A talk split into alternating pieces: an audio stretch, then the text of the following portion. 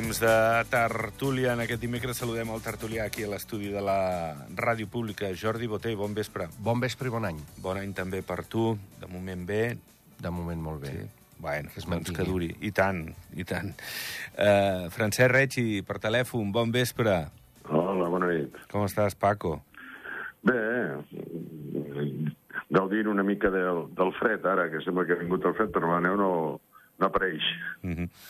Hi ha una expressió, l'he dit algun altre dia aquí amb algun tertulià company, no?, que quan et pregunten què tal, com va, doncs tu dius bé, i el matís és sense entrar en detalls, no? Sí. Vull dir que Sí, sí, sí. al final i que duri, no? Que, que puguem seguir així. Uh, escolteu, Jordi, tu què, la grip, uh, l'has tingut, la tens, uh, com, com... Perquè, clar, aquí qui més, qui menys, té gent coneguda, ja sigui eh, família o directament amics o companys que, que Jo- l'estan passant o l'han passat. Toquem aquesta... Sí, taula gran de fusta, taula això de és fusta, sí.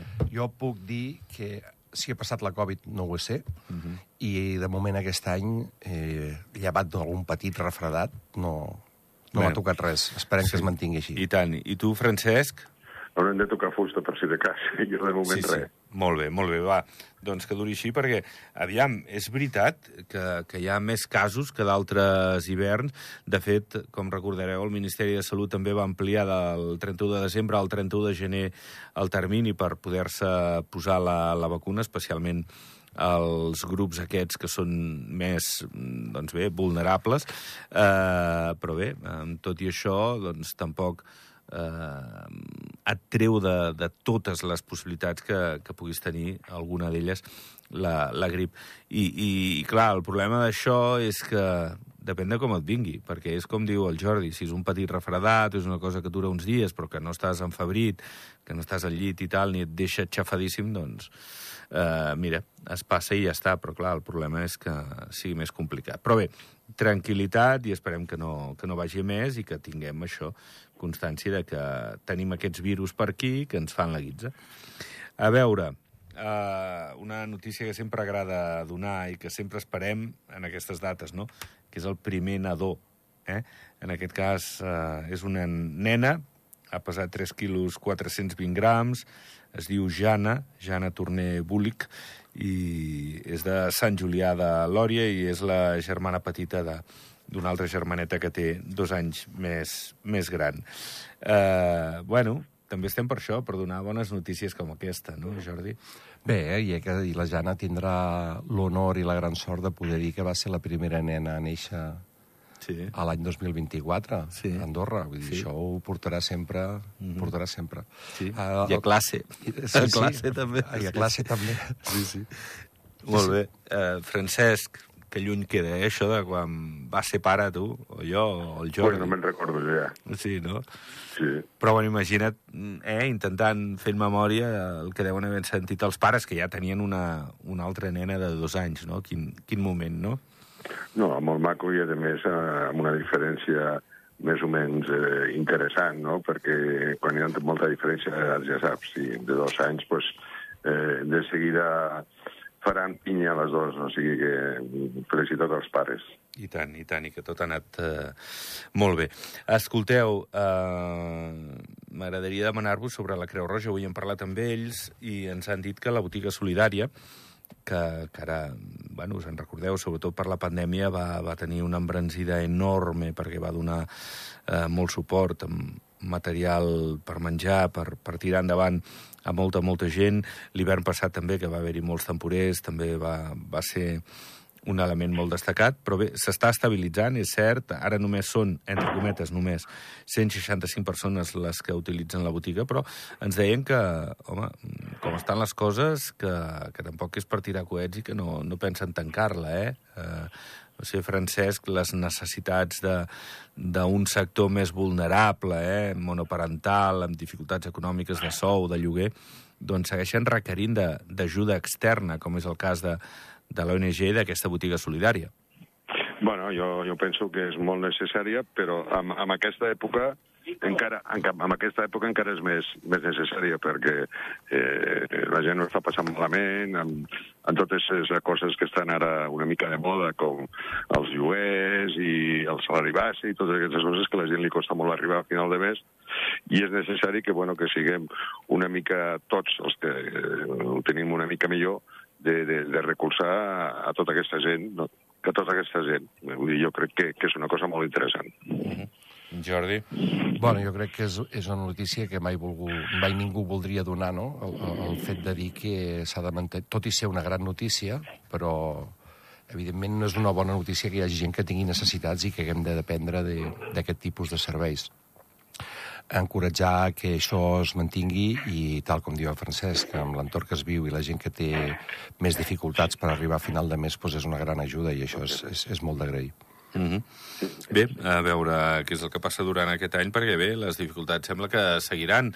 Eh, es podria estabilitzar una mica la qüestió de l'habitatge en quant a la construcció, però bueno, eh, el que són les millores de, de govern pel que fa a la possibilitat d'habilitar nous pisos, sembla que se'n va un any, any i mig, a banda d'uns 30 que està previst que en vista març o abril puguin aparèixer, que em sembla són els de l'Hotel Àrtic.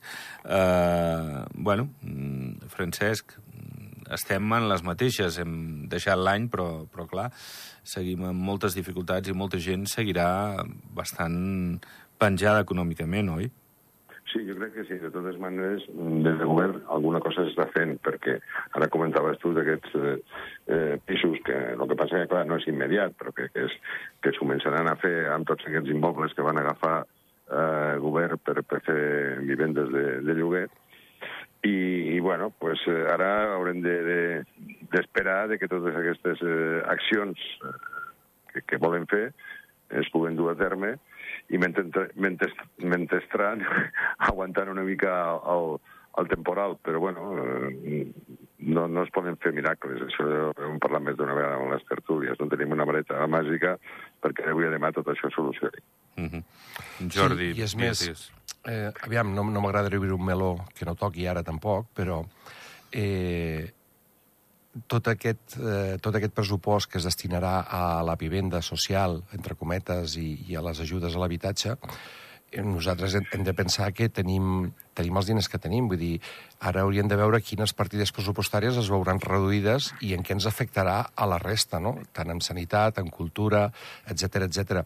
Eh, a vegades, moltes vegades, fiquem el foco i, i estic molt d'acord amb el que diu el francès de que, de que el govern està posant mesures, però a vegades posem, ens enfoquem molt amb, amb, amb el tema de les obligacions del, de l'Estat, etc etc, però no ens oblidem on vivim i quin sistema i quina imposició fiscal tenim també a Andorra, que no és una imposició fiscal que sigui molt alta.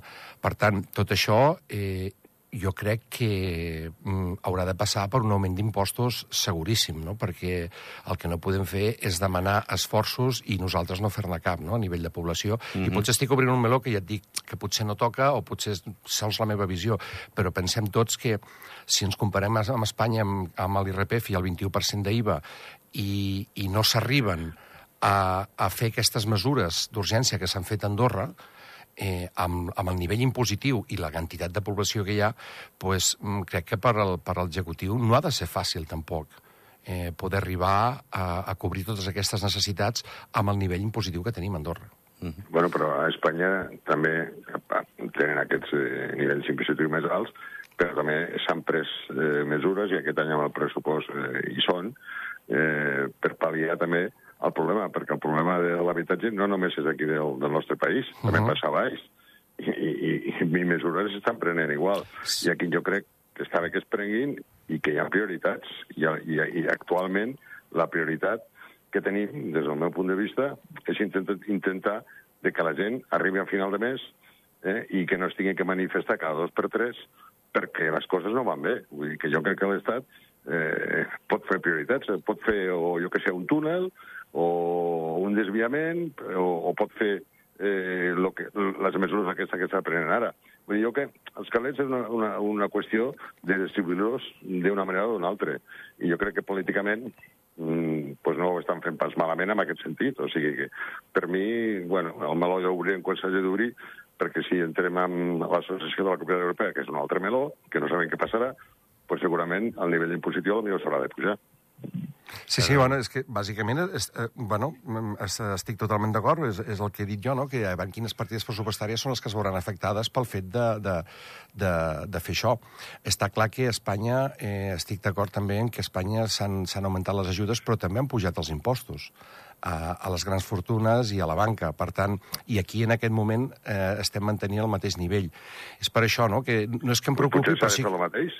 Exacte, és el que estic dient. És el, no, no, estic d'acord amb tu. Que, que, que estem demanant un esforç a l'executiu i potser som nosaltres també els que hem de fer tots aquest esforç, no? tota la població i, i aviam... És una feina col·lectiva, aquesta. Exacte.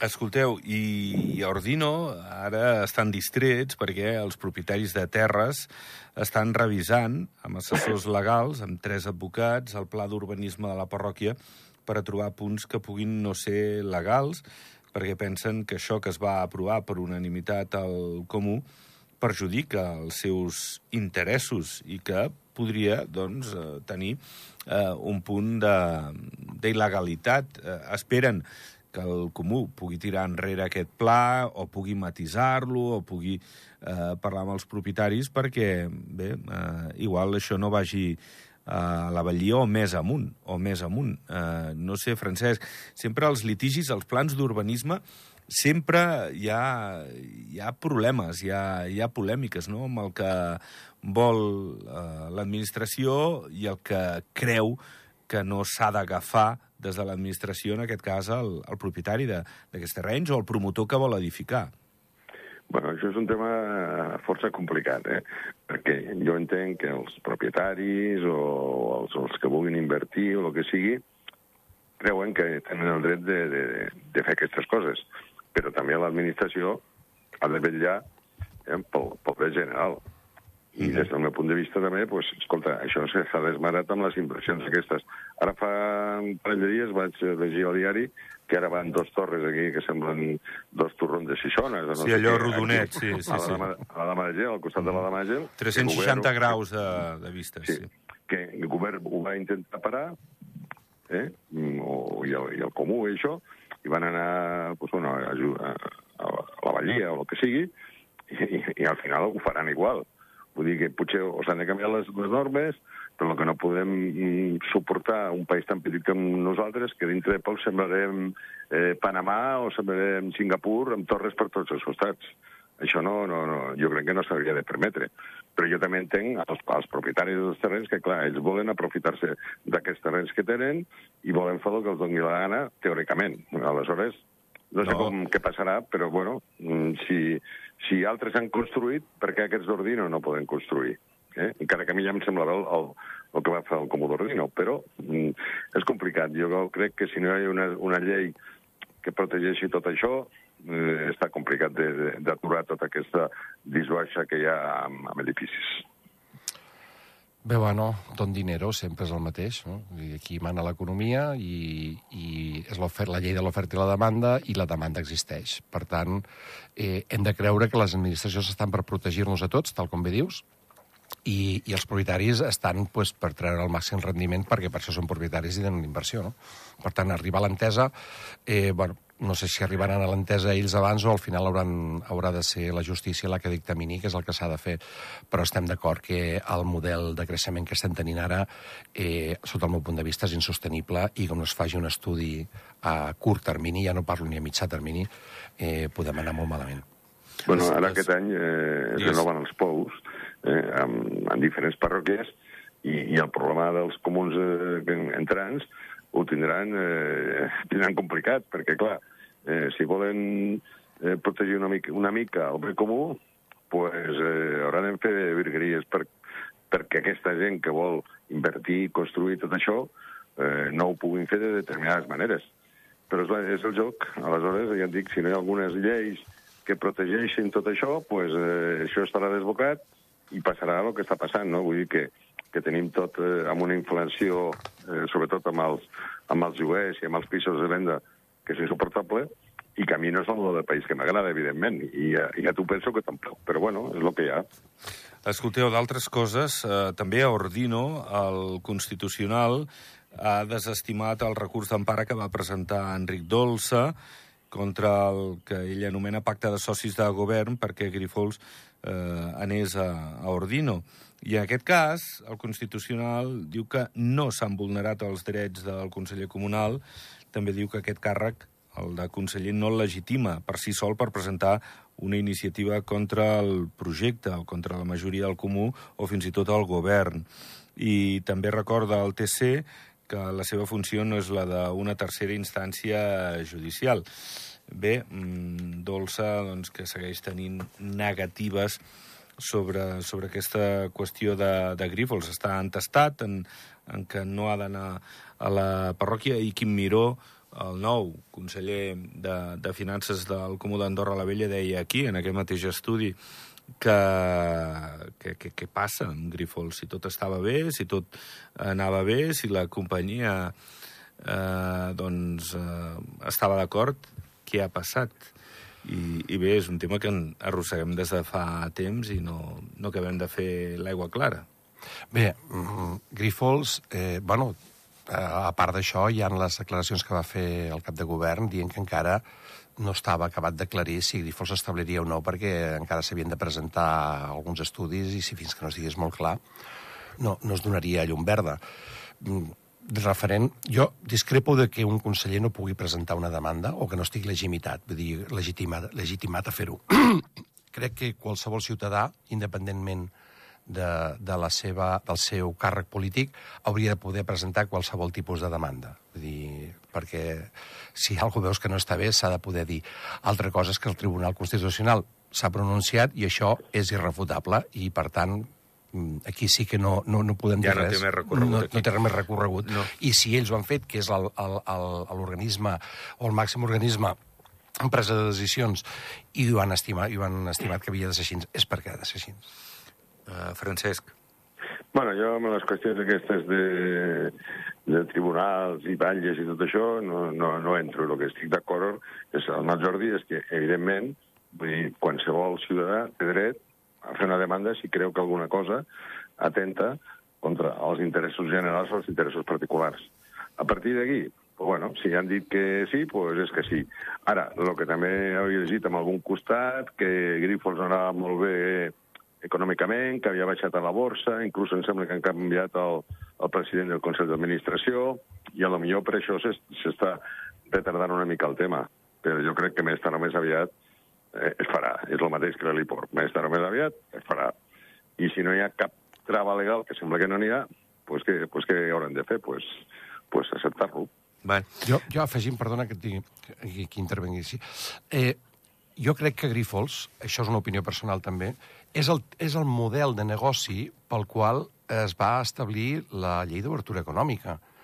Per tant, eh, que és una farmacèutica, però podia ser un, un, un servidor web com pot ser Google o podia ser una companyia aèria com és Ryanair.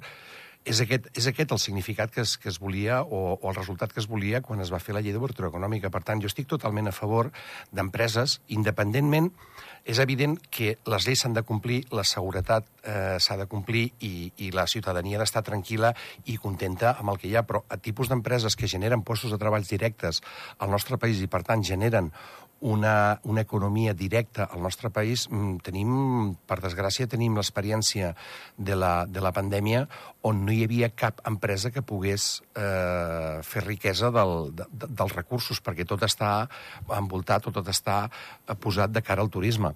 Per tant, aquest tipus de, de negoci jo crec que són els que ens interessen a Andorra. Escolteu, un, un que ens interessa i que va com un tiro, com un tro, és el, el termolúdic, Caldea. Eh, ens han donat eh, resultats avui de l'any passat i ha augmentat la facturació un 12% per l'increment de visitants, uns 20.000 més que l'any abans, compte, eh? En aquell espai tancat, més gran o més petit, o com tu vulguis mirar, 414.000 persones han estat. I a banda, doncs, d'aquest increment de visitants, ha, creixi, ha crescut el, el club esportiu, els serveis complementaris, per exemple, massatges i tractaments, i també la restauració. Eh, bé, és un model de negoci bé, als 90 la gent, bueno, com ara parlem de les torres, ja veurem d'aquí a 30 anys com parlem de, de les torres, perquè fa 30 anys es parlava de Caldea com, com un pecat, eh? com una cosa on tenem, no? I, i bueno, mm, Déu-n'hi-do i felicitats als qui van apostar, van dir que sí i, i el temps ha demostrat que, que això és, és un transatlàntic pel turisme del país. Uh, Paco, tu que estàs sí, a Escaldes, bueno, com ho veus? Aquí, Jordi, estàs barrejant dues coses. Res a veure amb les torres que estan fent dintre de 3 anys que no hi serem, sí. seran siguent torres, i això no vol dir que portarà més turisme eh, ni que portarà eh, més, eh, més, més gent treballant ni res. Vull dir, Però per què es va eh, criticar, Ara, sobretot? Lo de Caldea, lo de Caldea em sembla, vamos, fantàstic i que funciona molt bé i és un punt important pel, pel turisme del país. Però dos torres o tres o quatre o 25, les que facin, no sé quina riquesa ens porta el país, no ho entenc. Ara, fer coses com aquestes, com empreses eh, que vinguin de fora per canviar una mica el, el, el sistema que tenim, perquè només vivim pràcticament del turisme i del comerç, i el comerç cada vegada és més complicat de viure perquè eh, hi ha una, una competència terrible per internet i, i, i pels preus i per lo que sigui, pues, bueno, pues són coses completament diferents. I portar empreses que portin un valor afegit al nostre país va bé. A la que estàvem parlant abans, el Grifos, pues, potser la gent li fa una mica de por perquè és una farmacèutica i perquè si s'escapa algun virus amb això del, hagut en la pandèmia, que si ha vingut de Xina o no sé què, i la gent li fa una mica de por. Però, evidentment, eh, fer empreses aquí a Andorra i no dependre només del que estem depenent ara, jo crec que és una idea eh, fabulosa. Mm -hmm. Jo deia, sobretot, eh, per, per matisar el que he dit o el que has entès, eh, des d'un punt de vista arquitectura eh, i d'entorn, eh, de, d'aquesta piràmide caldea en, en un vell mig com era Sí, el bueno, d'Escal. Ho deia sobretot per aquesta, això, eh? eh? És de vidre, és per turisme, i lo que les torres és només eh, pues, bueno, una, una especulació que, que, que s'està Mhm. donant aquí a Andorra No, no, amb, clar. a, a, amb, aquests, amb aquests edificis per qüestió de, bueno, de, de, de la inversió aquesta estrangera, que està una mica descontrolada, i, i no sé qui es pot comprar, jo que sé, un, un pis d'un milió i pico d'euros que val aquí a, a la torre. Vull dir No, que no. no sé quin sentit té. És, Va. no, per gent d'aquí de casa difícilment, però bueno, de moment ja estan i no es pot fer res. Doncs sí. Va, deixem parlar el Jordi, va, ara tu. Doncs eh, el tema Caldea jo- el podríem extrapolar perfectament el que va passar amb la Torre Eiffel quan es va, quan es va fer, no? que eh, va tenir molts atractors de, de ficar aquell monstre de ferro allà. I tot i que mm, desconec si han, si, han, si han publicat també resultats de guanys i pèrdues de, de, 21 milions... Eh, 21,6 milions d'euros de facturació. Ja et dic, Però- però- són, és un 12% però la més. facturació no és el benefici, evidentment. No, no, però, Per ta- bueno, però tot- el guany... O sigui, i- si tu puges un 12% la facturació, Bueno, se però- suposa que el compte d'explotació, tot i que hagis invertit... però l'explotació també ha pujat molt la despesa. No, però, Sí, sí. Eh, però no, no, sí, és una gran notícia, perquè tot i que mm, estigués en pèrdues o, o no tingués beneficis, el que ens aporta a nivell de país és molt. No? Uh, per tant, no cal fer... Moltes vegades fem moltes inversions a curt termini perquè, perquè vinguin els turistes i això és una inversió que ja està feta i tot i que l'espai en si pogués no ser rentable, eh, ho és molt pel país. Uh -huh. Sí, no. aquí tenim un altre exemple al contrari, el museu aquesta de la bicicleta que, que va fer el Comú d'Andorra.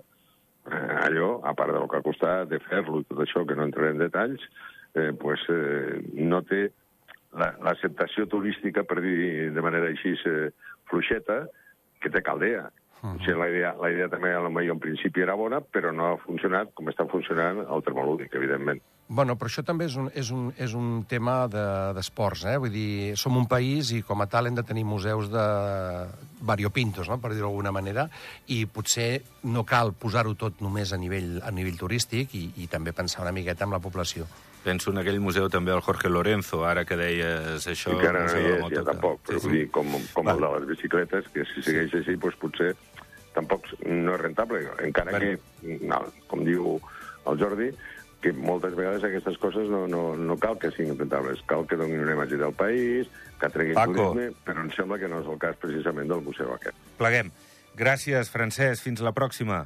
Gràcies, igualment. Bona nit, Francesc, bon any. Jordi, Bona igual. nit, bon any Fins a la tots. pròxima, Jordi. Doncs pleguem veles. Tornem demà a les 7. Que vagi bé.